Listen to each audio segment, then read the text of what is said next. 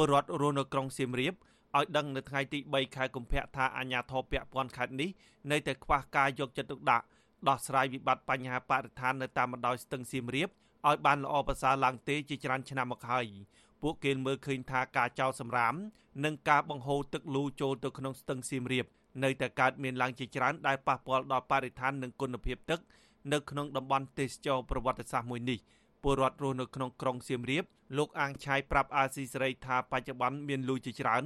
បានបង្ហូរទឹកកខ្វក់ចូលទៅក្នុងស្ទឹងសៀមរាបនិងមានពលរដ្ឋខ្លះទៀតបានចោលសម្រាមចូលទៅក្នុងស្ទឹងលោកថាអាញាធរតែងតែទម្លាក់កំហុសលើប្រជាពលរដ្ឋក៏ប៉ុន្តែអាញាធរបាយជាឆក់ល្វែងពុំផាកពិន័យនោះទេ ស្របពេលយន្តការអប់រំផ្សព្វផ្សាយនៅខ្វះចន្លោះជាច្រើន ស្ទឹងសៀមរាបយើងតាំងពីដើមមកគឺអត់ដែលមានមានណាយកចិត្តទុកដាក់ទៅទៅនឹងការធ្វើឲ្យកែលម្អធ្វើឲ្យមានសម្រស់ស្ទឹងស្អាតនៅខេត្តសៀមរាបយើងសម្បូរសម្រាប់ទីតំបន់ទេសចរទាំងមូលប៉ុន្តែអាជ្ញាធរដូចជាអត់យកចិត្តទុកដាក់ហើយធ្វើការធ្វើប្រហារក៏ដូចជាបរិស្ថាននៅជុំវិញស្ទឹងវាក៏ខ្វះ ពលរដ្ឋរស់នៅក្រុងសៀមរាបម្នាក់ទៀតលោកអុយវណ្ណៈជំរុញឲ្យអាជ្ញាធរមានវិធានការច្បាស់លាស់សម្អាតទឹកស្ទឹងសៀមរាបជាប្រចាំនិងពង្រាយធុងសម្រាមជាច្រើនកន្លែងដើម្បីឲ្យពលរដ្ឋងាយស្រួលចោលសម្រាមលោកសង្កេតឃើញថាបច្ចុប្បន្នទឹកស្ទឹងមួយនេះមានក្លិនស្អុយនិងទឹកកខ្វក់ស្ទើរតែគ្រប់ទីកន្លែង មួយខែគឺក៏ស្ទះខ្លាំងបានគាត់ទៅប្រមូលអាសម្រាមខាងក្រោមអាសម្រាមដែលហូរពីស្ទឹងខាងលើមកដល់ខាងក្រោមទៅប្រមូលបើយើងមួយថ្ងៃប្រមូលម្ដងឬក៏មួយអាទិត្យប្រមូលម្ដងទៅវាអត់មិនមានជាបញ្ហាទេព្រោះខេត្តសៀមរាបយើងជាតំបន់ទេសចរមួយបាទហើយបើយើងមិនថែរក្សាបរិស្ថានឲ្យបានស្អាតទេធ្វើឲ្យជាទេសចរគេចូលមកលេងក្នុងខេត្តសៀមរាបយើងគឺមើលងាយដល់អាជ្ញាធរអត់ទៅចំ អាស៊ីសេរីបានតាក់ទងអភិបាលខេត្តសៀមរាបលោកទាសីហា និងអភិបាលក្រុងសៀមរាបលោកនួនពុទ្ធិរាដើម្បីសុំការបំភ្លឺរឿងនេះតែទូរស័ព្ទហៅចូលជាច្រើនដងគ្មានអ្នកទទួលនៅថ្ងៃទី3ខែកុម្ភៈរីឯចៅសង្កាត់សៀមរាបលោកម៉ៃសាវ៉េតវិញប្រាប់វិជុក្នុងស្រុកថារយៈពេលជាង1ឆ្នាំសម្រាមជិត30តោនត្រូវបានកាយចេញពីស្ទឹងសៀមរាបផ្នែកខាងក្រោម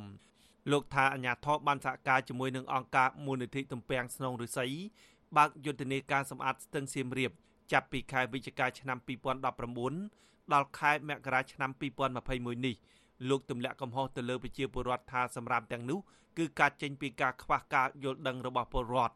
ការលើកឡើងនេះត្រូវបានច្រានចោលដោយសកម្មជនបរិស្ថាន ស្ថាបនិកអង្គការមេដាធម្មជាតិជនជាតិអេស្ប៉ាញលោក Alejandro Gonzalez Davidson ថ្លែងថាកង្វះការអប់រំផ្សព្វផ្សាយនិងការផាកពិន័យទៅលើអ្នកចោលសម្រាមគឺជាកំហុសរបស់អាជ្ញាធរ លោកពន្យល់ថាសម្រាប់អណ្ដាតច្រើននៅក្នុងស្ទឹងយូរថ្ងៃនឹងបណ្ដាលឲ្យទឹកមានសារធាតុពុលដែលប៉ះពាល់ដល់ត្រីនិងជីវសាស្ត្រចម្រុះលោកថាក្រុងសៀមរាបជាតំបន់ទេសចរប្រវត្តិសាស្ត្រដូច្នេះអាជ្ញាធរគួរតែយកចិត្តទុកដាក់កែលម្អបរិស្ថានឲ្យស្រស់បំព្រងដើម្បីទាក់ទាញភ្ញៀវទេសចរ នៅពេលដែលសម្រាមបណ្ដែតក្នុងស្ទឹងយូរថ្ងៃឬក៏យូរអាទិត្យហ្នឹងយូរទៅវាពុលដល់ស្ទឹងសៀមរាបហើយស្ទឹងសៀមរាបហូរទៅណាស្ទឹងសៀមរាបហូរទៅទន្លេសាបតែហើយទន្លេសាបហ្នឹងចិញ្ចឹមប្រជាជនខ្មែររាប់សែនរាប់សែនគ្រួសារវាអាចថារាប់លាននេះអញ្ចឹងអពលប៉ះពាល់ទៅលើបរិស្ថានក៏ធំដែរនៅពេលដែលសារធាតុពុលចូលស្ទឹងសៀមរាបពុលដល់ត្រីពុលដល់ទឹកដែលប្រជាជនប្រើប្រាស់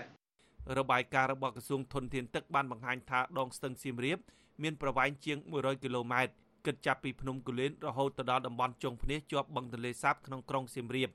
ស្ទឹងនេះតភ្ជាប់ពីជ្រោះភ្នំគូលែនហូរឆ្ពោះទៅទន្លេសាបបត់បែនតាមព្រៃភ្នំពុះចំកណ្ដាលក្រុងសៀមរាប ដែលមានប្រជាពលរដ្ឋរាប់ម៉ឺនគ្រួសារអាស្រ័យផល ដូចជារកត្រី និងទាញទឹកស្រោចស្រពជាដើមខ្ញុំបាទហេងរស្មី អាស៊ីសេរីពីរដ្ឋធានី Washington